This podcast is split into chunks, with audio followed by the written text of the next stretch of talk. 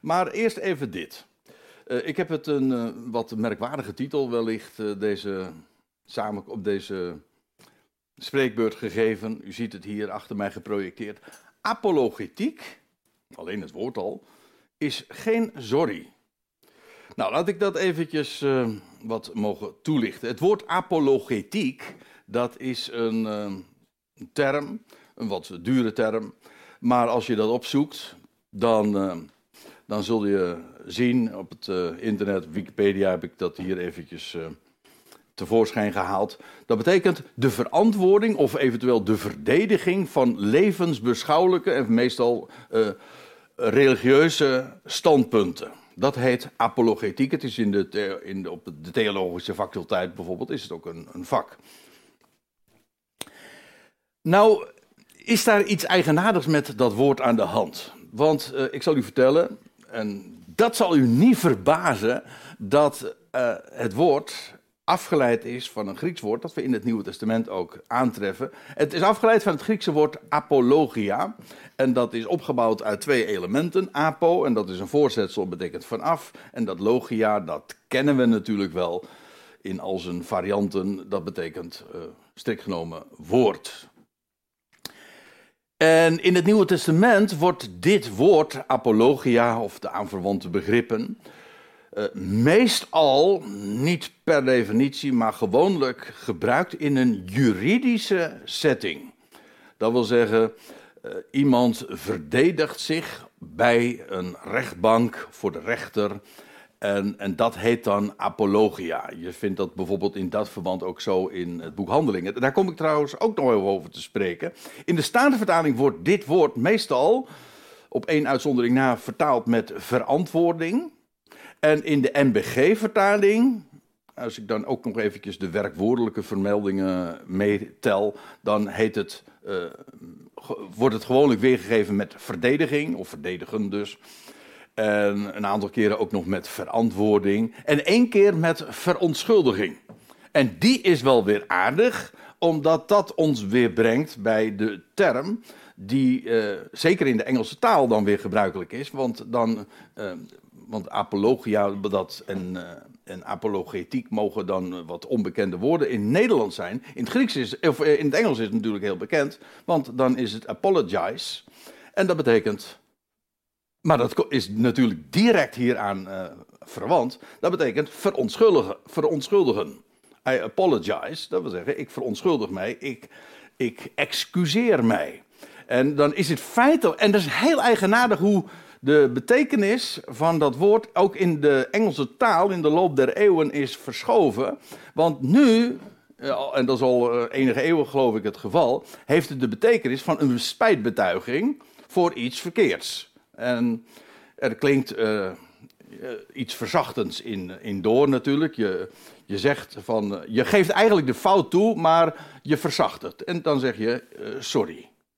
dat is trouwens ook interessant. Ik, ik vind, ehm, dat heet etymologie. Dat, dat, dat, is de wetenschap die zich bezighoudt met woordafleiding. Nou, dat is wat ik hier eigenlijk ook vertel.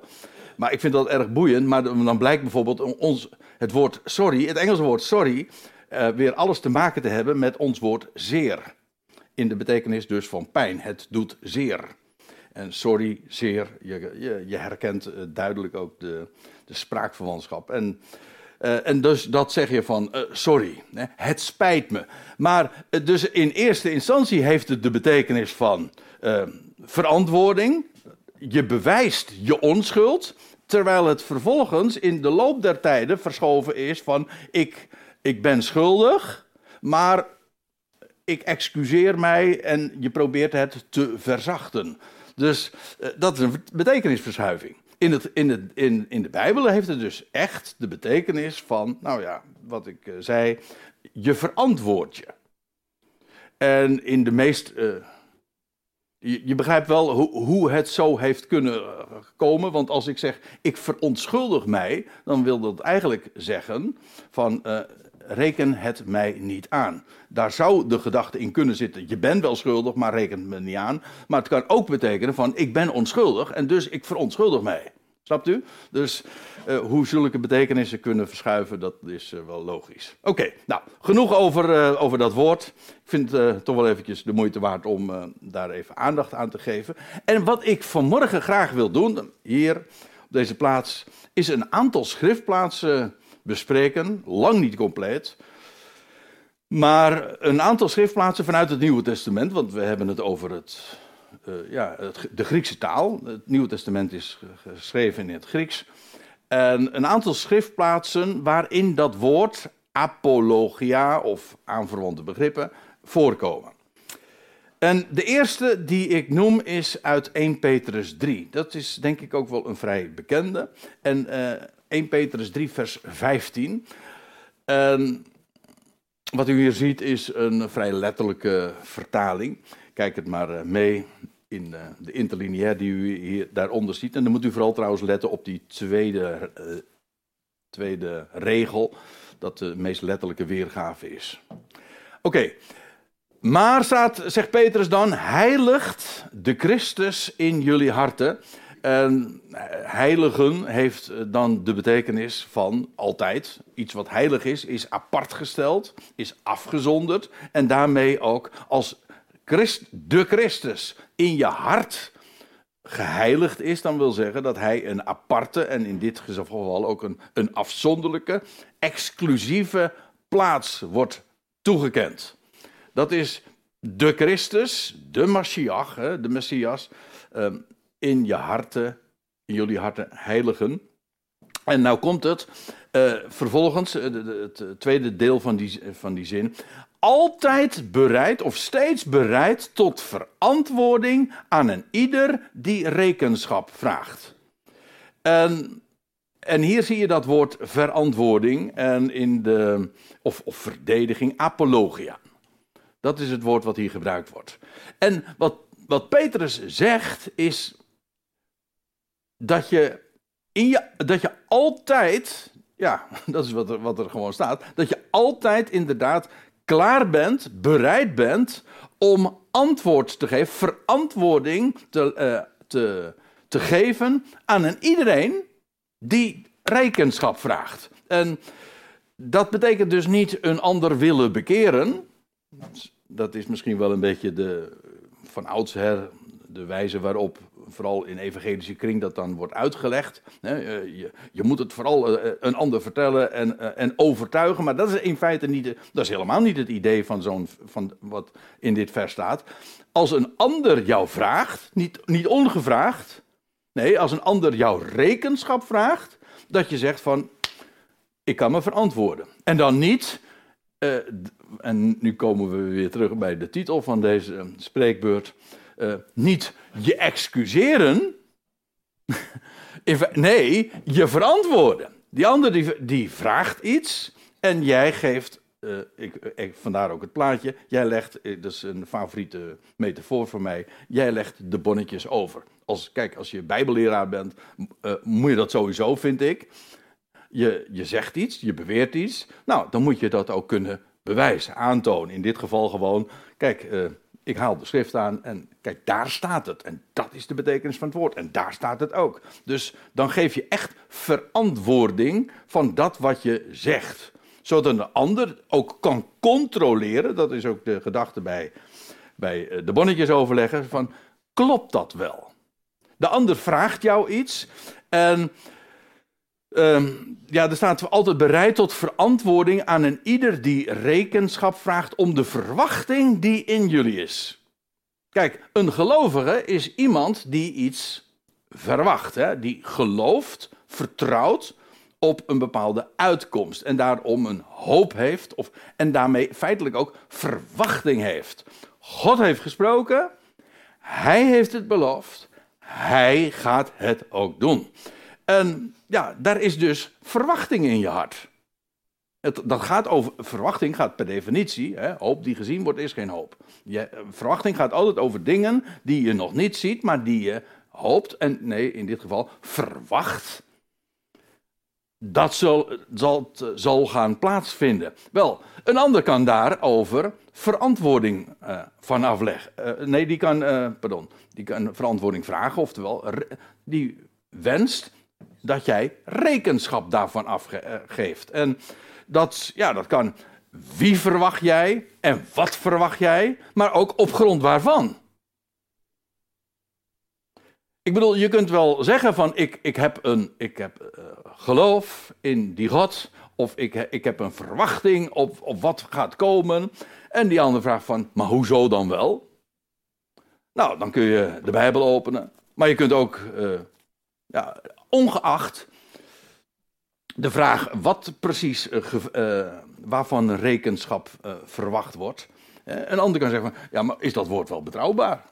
En dat je dan ook niet met je mond vol tanden staat, maar dat je, nou in ieder geval, dat je altijd bereid bent om verantwoording af te leggen. Van dat wat je, wie je en gelooft, maar ook waarom je daar zo'n veel vertrouwen in hebt. En ja, dat is in feite waar het, uh, dat, dat woord wat ons is gegeven, dat we dat uitdragen. Maar ja, mensen bevragen dat kritisch. En ja, dat woord is vast en solide.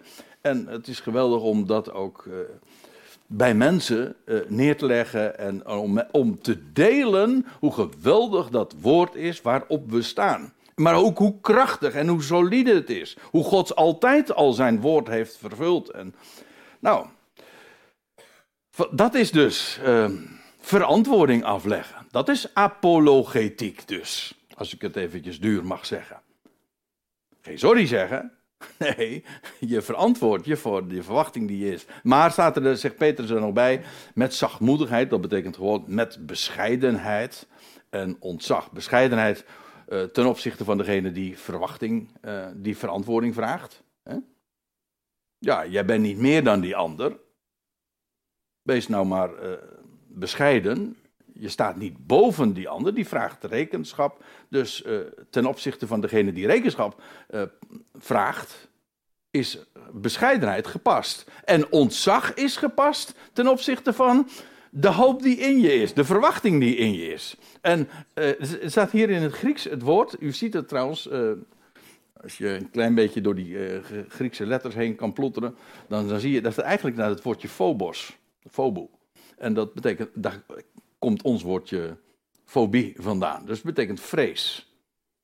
Of eventueel ontzag. Uh, is dat, hoezo vrees? Nou, uh, er bestaat een, gezonde vrees. Angst is, we, we denken misschien wel eens een keer van, ja, angst is fout. Maar angst is, kan een hele goede emotie zijn. Het kan je voor een gevaar in actie, dat is de bedoeling ook, hè dat je bang bent. Want er zijn heel veel dingen die inderdaad gevaarlijk zijn. En uh, dan, dat je, dan is angst daarvoor een gepaste emotie. Dus in dit geval, hoezo de vrees hier? Wel, wij hebben een geweldige verwachting. En hoezo dan vrees nou? Dat je die vrees, dat je die, pardon, dat je vreest dat je de verwachting tekort zou doen.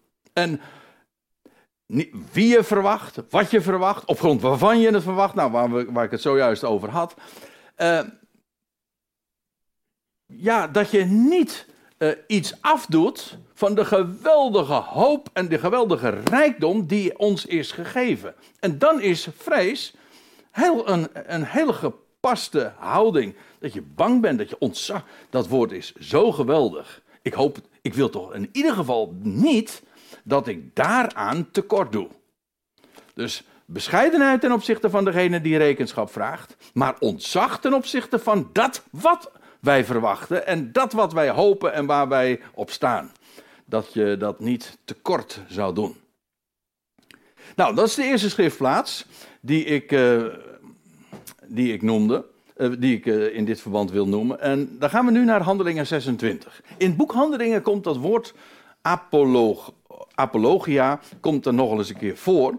En waarom? Omdat, ja, in, meestal, ik zei het al, uh, in juridische setting. Als Paulus bijvoorbeeld voor een Festus of voor een Felix, nee, uh, eerst voor Felix, die stadhouder, die gouverneur, uh, later voor, voor Festus en nog weer later in Handelingen 26 voor Agrippa komt hij dan te staan. En dat staat er ook bij. Handelingen 24 gaat over dat hij voor stadhouder Felix is eh, gesteld wordt. Hij bevindt zich in, eh, in, uh, in die havenplaats, de Caesarea. Dat is allemaal heel illustratief, heel typologisch als ik het zo mag zeggen. Caesarea, dat is die plaats aan de, even onder het huidige Haifa. En een aantal van u zijn er, is er ongetwijfeld wel eens geweest. En uh, er zijn nog heel veel overblijfselen van, van dat Romeinse bouwwerk. Maar Caesarea was een, een grote Romeinse vesting. Caesarea, komt, daar, zit, Caesar in. En dat betekent de keizer dus. En ja, uh, het, is, trouwens de plaats waar eerst, waar, uh, waar Petrus ook naartoe ging. Waar, dat het evangelie voor het eerst naar de natieën ging. Dat was in. dat Cornelius verbleef daar, de Romeinse hoofdman in Caesarea. En dat vind ik uh, wel apart, dat als het evangelie naar de natie gaat, uh, dan gaat het naar de kust, hè, naar de zee. De zee is een beeld van de volkerenwereld, de volkerenzee. En, en uh, ook apart is dat als Paulus naar het buitenland gaat, naar de natieën toe gaat, dan gaat hij via de poort. Ik zeg het expres even zo, want een haven is een poort. Het was een havenstad. Dat is een poort. Puerto of Porto. Eh, er zijn zoveel plaatsen die allemaal zo heten. Dat betekent een havenplaats. Dat wil zeggen, vanuit die plek eh, ga je de zee op. De Volkerenzee. En dat is eh, ook precies het geval. Paulus heeft twee jaar gevangen gezeten in Caesarea. Dat was omdat de Joden hem afwezen in Jeruzalem. Dat is ook al heel illustratief. Hij was in Caesarea. Dat is een uitbeelding van de Joodse afwijzing.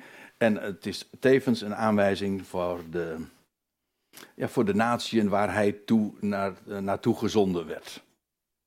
En dat hij daar twee jaar verbleven heeft, is ook niet zonder betekenis als u het mij vraagt. Want het spreekt van de 2000 jaar die, uh, ja, waarin, waarin God zeg maar zijn verborgen werk doet onder de natie. Nou ja, uh, dat soort dingen, daar denk je dan allemaal aan. Tenminste, ik dan wel. Agrippa, ik lees nu voor. Agrippa zei met nadruk nu tegen Paulus. U moet eventjes eh, de, de situatie voor de geesten. Hij, Paulus was dus voor Felix, voor, uh, Felix geweest, voor Festus. En Festus die uh, kreeg koning Agrippa op bezoek. En toen had Agrippa, dat lees je in het voorgaande hoofdstuk, had gezegd van nou die Paulus, daar heb ik, daar heb ik al heel veel over gelezen, gehoord en vernomen. Ik zou hem graag een keertje persoonlijk ook willen spreken en, en willen horen. Nou, zei Vester, dat is geregeld. En die heeft dus een, deze meeting, zeg maar, uh, georganiseerd. En is eigenlijk ook in, een juridische setting. En Paulus uh, zou zich verantwoorden nu, heel specifiek. Festus was daar ook bij, die Romeinse gouverneur. En er waren er nog een hele aantal anderen ook, uh, hoge, hoge pieten. Ik heb altijd een beetje moeite met de term hoge pieten, want het klinkt zo arrogant natuurlijk als je zelf ook zo heet. Nou ja. ja, precies. Het is niet voor niks hoor dat ik het nu allemaal zeg. Ja, en, en ik ben geen zwarte Piet. Nee, want dat mag niet meer. nee, ook niet. Oké. Um, ja, waar was ik nou ook weer? Oh ja, hij is, uh, uh, koning Agrippa wilde dus graag Paulus horen. En nou ja, dat, deze gelegenheid deed zich nu zo voor. En Agrippa zei met nadruk tegen Paulus: Het is u vergund omtrent uzelf te spreken. En toen strekte Paulus de hand. Wat precies de gedachte daarbij is, weet ik niet. Of hij maand tot stilte, of zei, eh, als een wenk van: Ik begin nu mijn, mijn verhaal. In ieder geval, hij strekte de hand en hij verantwoordde zich. Nou, hier heb je weer dat woordje apologia. Het werkwoord. Hij of hij verdedigde zich, zegt geloof ik de NBG. Ja, in de NBG-verdaling staat. Uh, nee, toch niet. Hij verantwoordde zich. Hij, en verantwoordde zich omtrent alle punten waarop ik word aangeklaagd, koning Agrippa. Want kijk, Paulus was daar in Caesarea terechtgekomen. De Joden die wilden hem vermoorden en hij werd eigenlijk door de Romeinen beveiligd. En de Joden die klaagden hem aan. Daarom zat hij daar gevangen in Caesarea. En uiteindelijk gaat hij zich dan ook beroepen op de, op de keizer. En ja, dan moet hij naar, naar Rome toe. Maar goed, hij werd aangeklaagd door de Joden. en dan zegt Paulus, ja, omtrent alle punten waarop ik word aangeklaagd, koning Agrippa, heb ik mezelf gelukkig geacht om mij nu voor u vandaag te verantwoorden of te verdedigen. En ja, dit is typisch zo'n juridische setting. Nou, eindelijk op, op het hoogste niveau, per slotverrekening, de Romeinse gouverneur Festus was hier. En de door de Romeinen aangestelde koning Agrippa, dat was nog weer een, eh, een kleinzoon of een achterkleinzoon, zeg ik het goed, van Herodes de Grote. Maar dat was een hele uitgebreide familie. En, uh, en deze koning Agrippa, die, ja, die, die wist van de dingen. Dat zullen we straks ook wel vernemen. Nou, Paulus is, Paulus is blij. Paulus wist, Paulus excuseert zich niet, weer hè, hij verontschuldigde zich niet. Hij zei, ik word aangeklaagd en dat is ten onrechte. En ik ga bewijzen ik ga bewijzen dat ik onschuldig ben. Sterker nog, ik ga bewijzen dat het waar is wat ik zeg. En zo verantwoordt hij zich. Ja, en hij acht zich gelukkig dat hij nu zijn onschuld kan aantonen en bewijzen. En dat hij dat nu op het hoogste niveau, daar in Caesarea, voor koning Agrippa, kan vertellen. En uh, nou ja, dat is, uh, zo begint hij. En dan gaat hij zijn verhaal vertellen. Wie hij, wie hij ja, was, inderdaad, ooit. Die, uh, een man, een, een aankomend talent binnen het Jodendom. En hoe hij een vervolger was van de, van de gemeente Gods. En, nou ja, en hoe hij op een gegeven ogenblik geroepen werd, midden op de dag, terwijl hij op weg was naar Damascus. Hij vertelt het allemaal. Het is een schitterend, uh, ja, schitterend getuigenis. Hij, hij vertelt gewoon ja, wie hij is, wie hij was en wat, hoe het zo gekomen is dat hij nu aangeklaagd wordt door de Joden.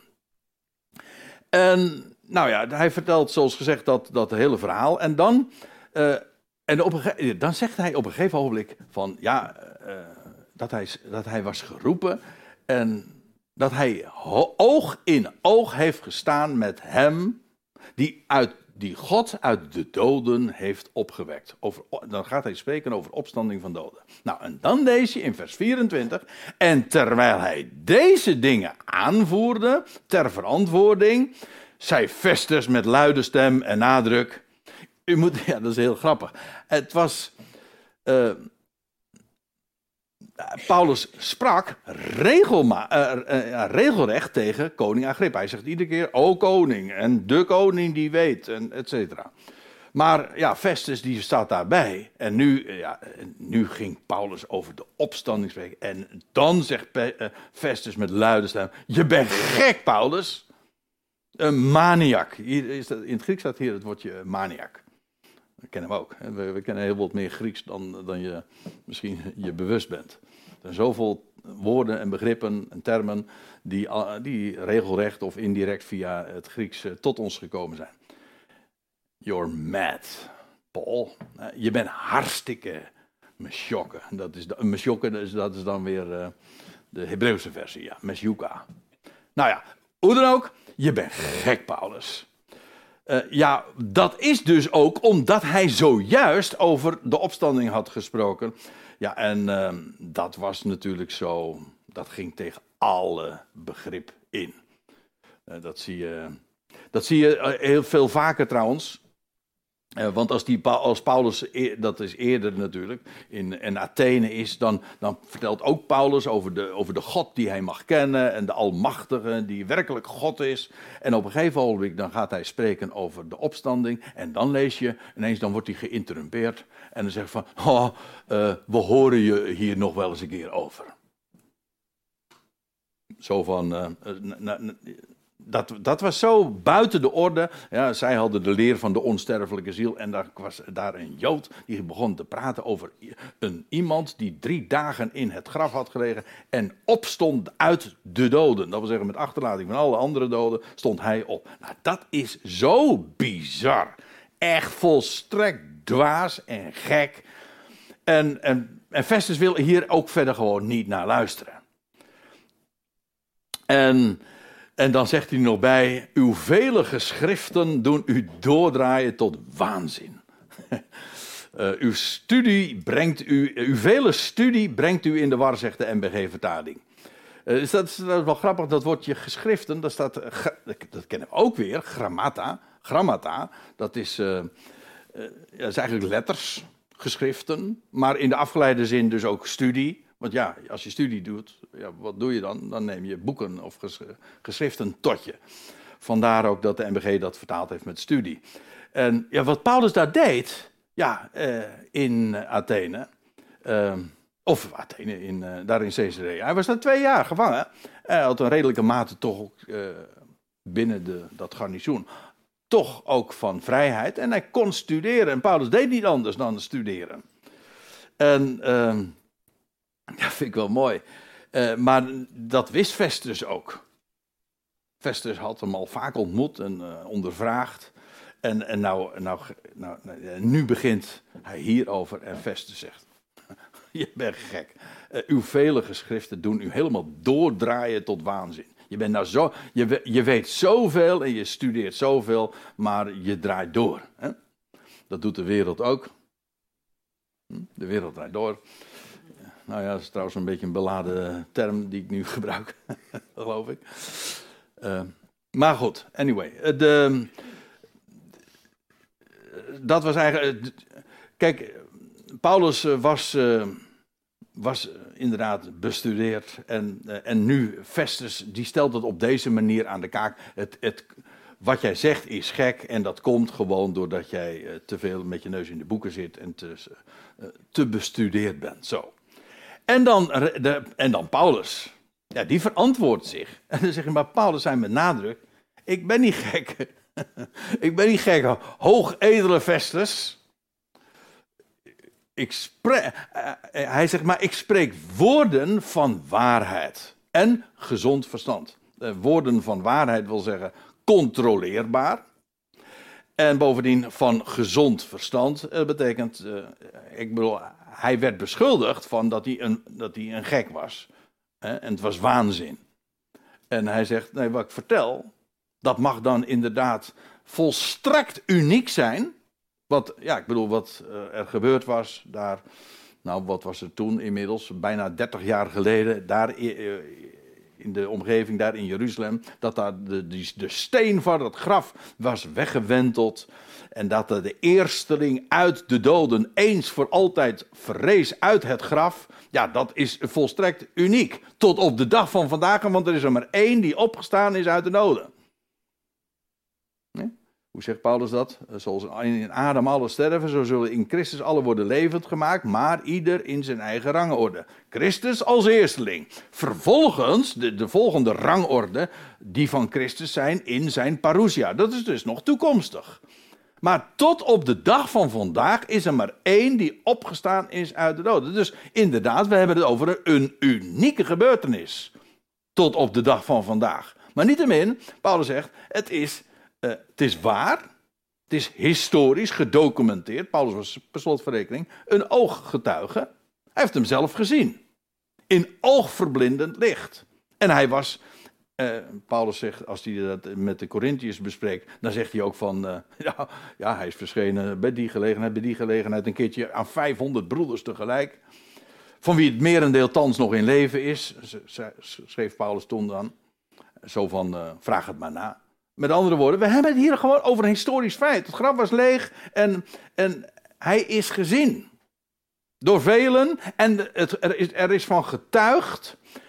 Bovendien nog unaniem ook. Allen die erbij waren, die hebben het allemaal bevestigd. Dus ja, het, het, het voldoet aan alles wat, uh, van, wat je van een historisch feit mag verwachten.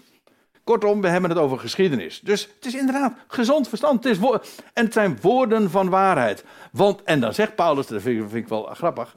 Hij zegt, want de koning is van deze dingen op de hoogte. Festus had daarbij, wat Paulus eigenlijk tussen de regels door, tenminste zo versta ik dat dan, eigenlijk mee zegt van, ja, u weet dat niet.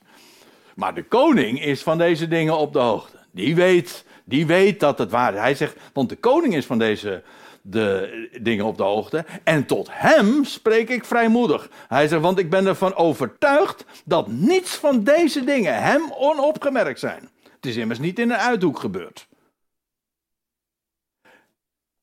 Koning Agrippa, die wist van deze dingen. Het was, uh, het was zijn, uh, in nou, een generatie eerder, dat uh, zijn vader, en wat zeg ik, zijn grootvader, moet ik even goed nadenken, maar het doet niet de zaak, maar in ieder geval in die Herodese familie, dat, uh, dat hij koning was in Jeruzalem.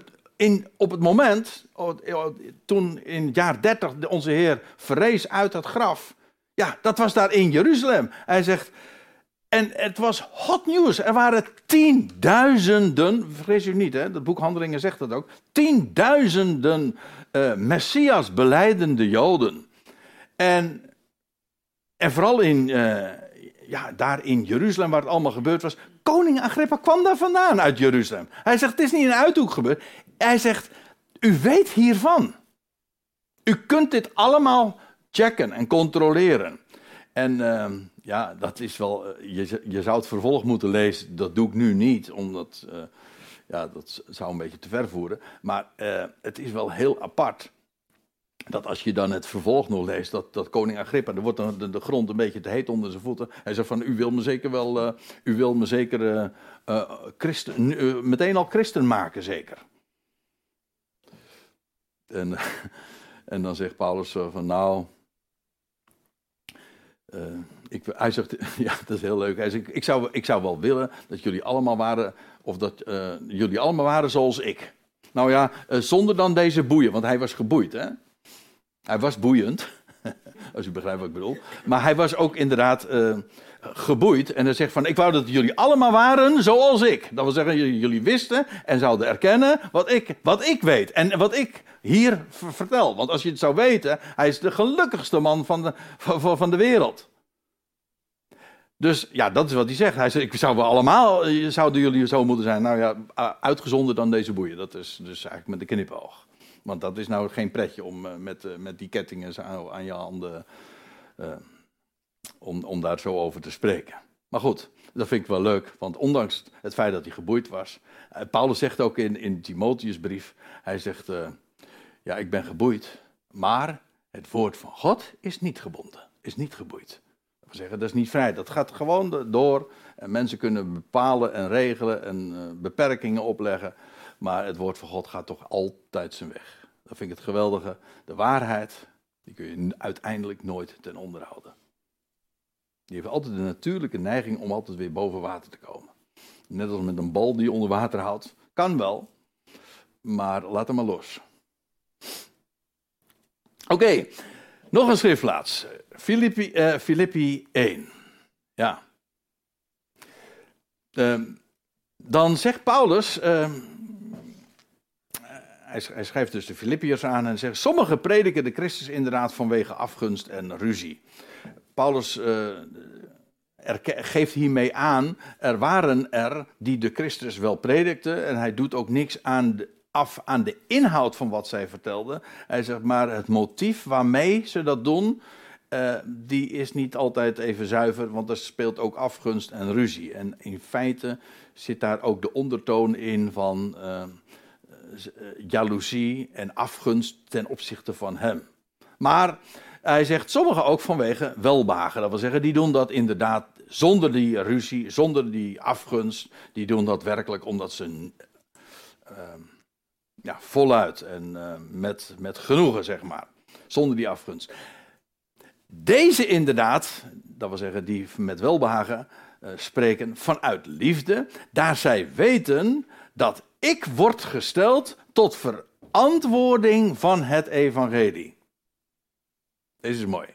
Wat Paulus zegt is, um, degene die de Christus prediken en die dat werkelijk met een zuiver hart doen, die weten dat ik dat doe, uh, dat, ik, dat ik ben of word gesteld tot verantwoording van het evangelie. Ik ben de apologeet van het evangelie. Dat is wat, wat hij zegt.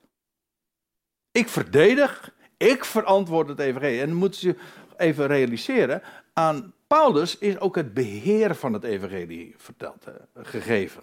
Hij, zegt ook in de Romeinenbrief, spreekt hij over mijn evangelie, meer dan eens trouwens.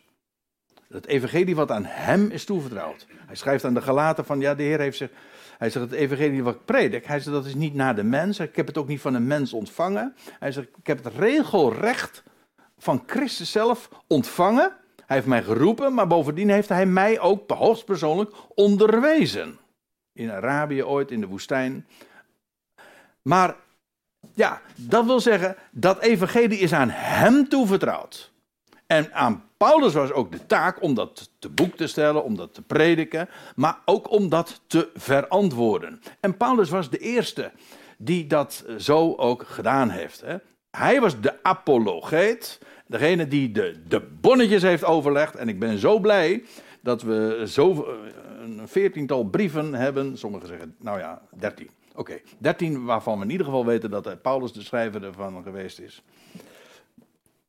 En uh, ik bedoel, de Hebreeënbrief, dat, uh, hangt het, daar wordt de naam niet bij genoemd, maar goed. U begrijpt wat ik bedoel. Te zeggen, Paulus heeft het opgetekend. Hij heeft het geschreven, hij heeft het gedocumenteerd. En hij zegt, ja, ik word gesteld tot verantwoording van het evangelie. En Paulus excuseert zich niet. Hij zegt in de Romeinenbrief, ik schaam mij dat evangelie niet. Integendeel. Even voor de, uh, ik wil hem even nog doorgeven. Maar, uh, daar staat, ik schaam mij het evangelie niet. En dat staat in, in, in het Grieks. Het klinkt een beetje ingewikkeld wat ik misschien nu zeg. Maar dat staat in het Grieks in, een, um, in een zogenaamde, ja, dat noemen ze de, de, de, de middle voice. De, uh, dat wil zeggen, kijk, wij, kunnen iets zeggen in de actieve zin of in de passieve zin. Bijvoorbeeld, um, ik rij, dat is actief. En ik word gereden. Dat is passief. Ja? Dat, eh, bij ons is, gebruik je een werkwoord of actief of passief. In het Grieks, dat is een hele rijke taal, die kent ook nog een middenvorm. En dat is, daar zit een actief element in en een passief element in. Dus van uh, sommige vertalingen die zeggen uh, in Romeinen 1 vers 16 niet van ik schaam mij het evangelie niet, maar het evangelie beschaamt mij niet. Dat is passief.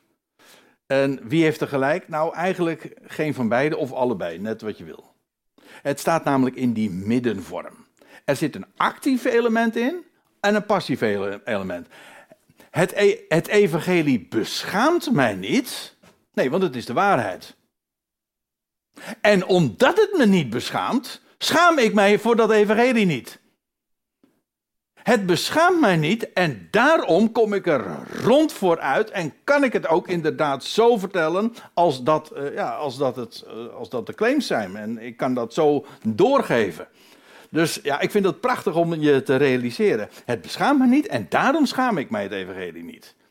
Dus uh, die, die, die middenvorm, dat, daar zit, ja, dat, dat vertoont een rijkdom die wij in het Nederlands eigenlijk niet kunnen oppakken, omdat wij die, die vorm hebben we niet. Vandaar ook dat ik het er maar even bij zeg. In ieder geval, Paulus is geroepen en is gesteld om het evangelie te verantwoorden.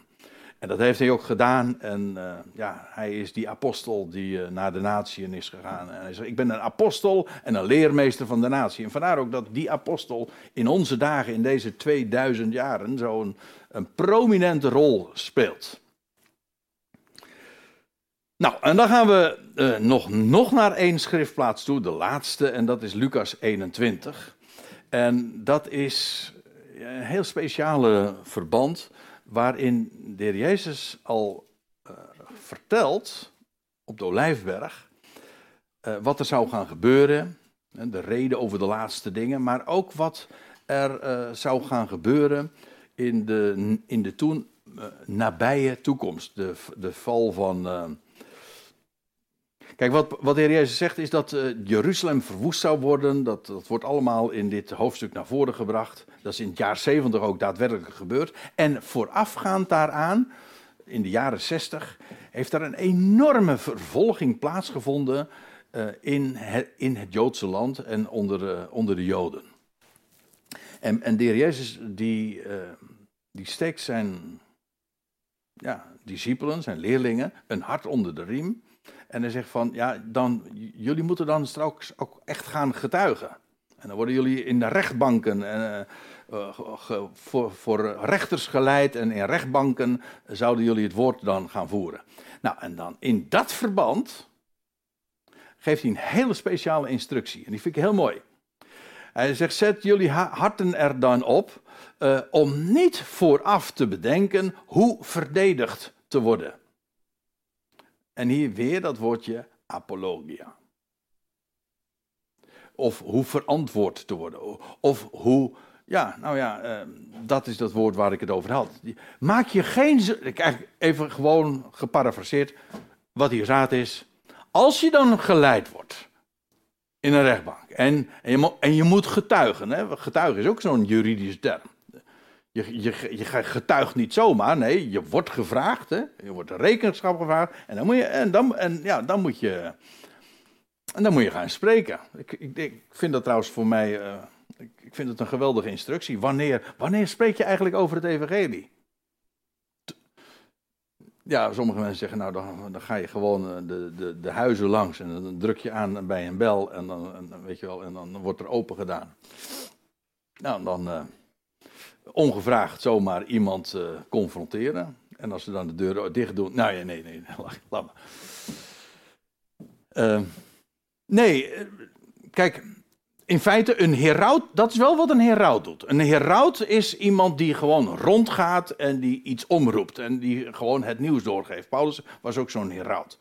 Maar de normale gang van zaken is dat je getuigt, ja wanneer? Nou, wanneer de rechter vraagt van, geef, maar, geef maar rekenschap.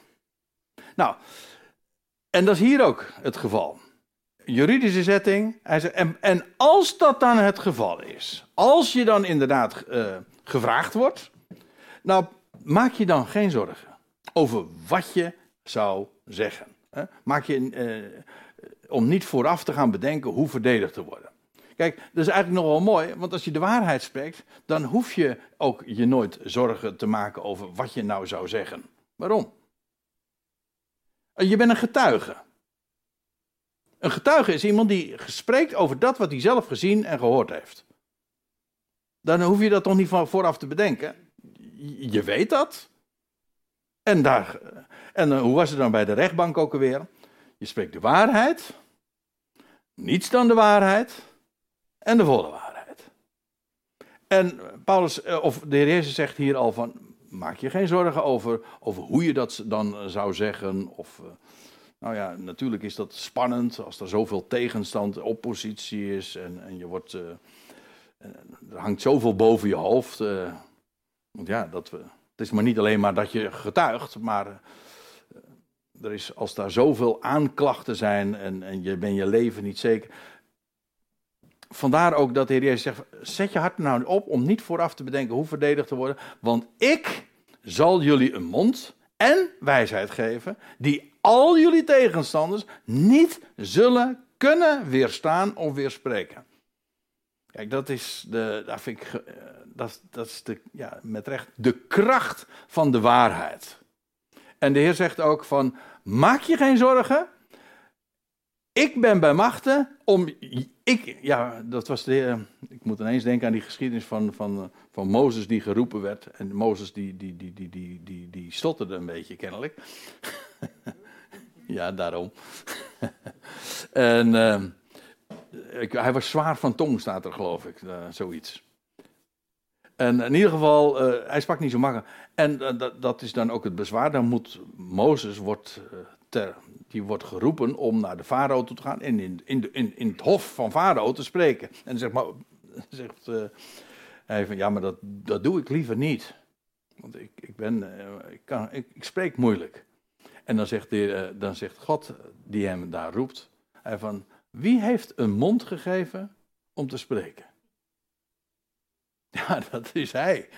Nou, als ik jou nou roep om te gaan spreken, waarom zou jij je dan zorgen maken over hoe je de dingen zou spreken? Ik geef jou een mond. En denk je nou werkelijk dat als ik jou roep om het woord door te geven, dat je je zorgen moet maken over, over jouw woorden of over, over jouw spraakvermogen. Ik ben dat. En dat is in, in soortgelijke termen, vind je hier ook dat de Heer Jezus uitspreekt en zegt van, maak je geen zorgen over wat je zou zeggen, of hoe je het zou zeggen, hoe het zal overkomen. Het zijn allemaal van die dingen die je zo, zo gemakkelijk intimideren. Wat zal men denken? Ja, dat, dat, dat geldt niet alleen voor iemand die op een podium staat en, en, en, voor een publiek staat en wat, wat, te vertellen. Maar in het algemeen. Uh, nou, uh, laat, laat ik maar niks zeggen. Of laat, laat ik me verontschuldigen. Dat ik sorry zeg. Nou, maar ja, dat is apologize. Maar dat is geen apologetiek. Ap apologetiek, ja. Nee, dan, dan, dan zeg je niet sorry. Dan zeg je van, dat is de waarheid. En maak je geen zorgen over hoe het zal overkomen. Of wat men zal zeggen. Of wat hun reactie zal zijn. Ik geef je een mond en wijsheid. En al jullie tegenstanders, hoe clever ook, die zullen niet in staat zijn om het te weerstaan of te weerspreken of te logenen. Kijk, dat is de power van het woord van God.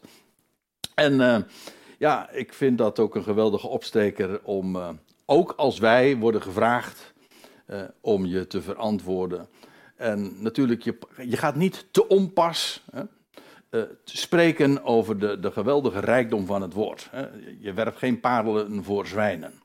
Maar wanneer zou je spreken? Op het moment dat je gevraagd wordt. En wees dan ook niet bang om inderdaad gewoon voluit ja, alle registers open te trekken en, en zeg dat wat je moet zeggen. De waarheid, niets dan de waarheid en de volle waarheid.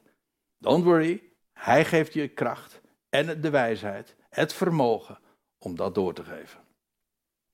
Wel, uh, aan de rijkdom van het woord ligt het niet. Dus ik zou zeggen, lieve mensen, laten we ons deze woorden ter harte nemen en daarvan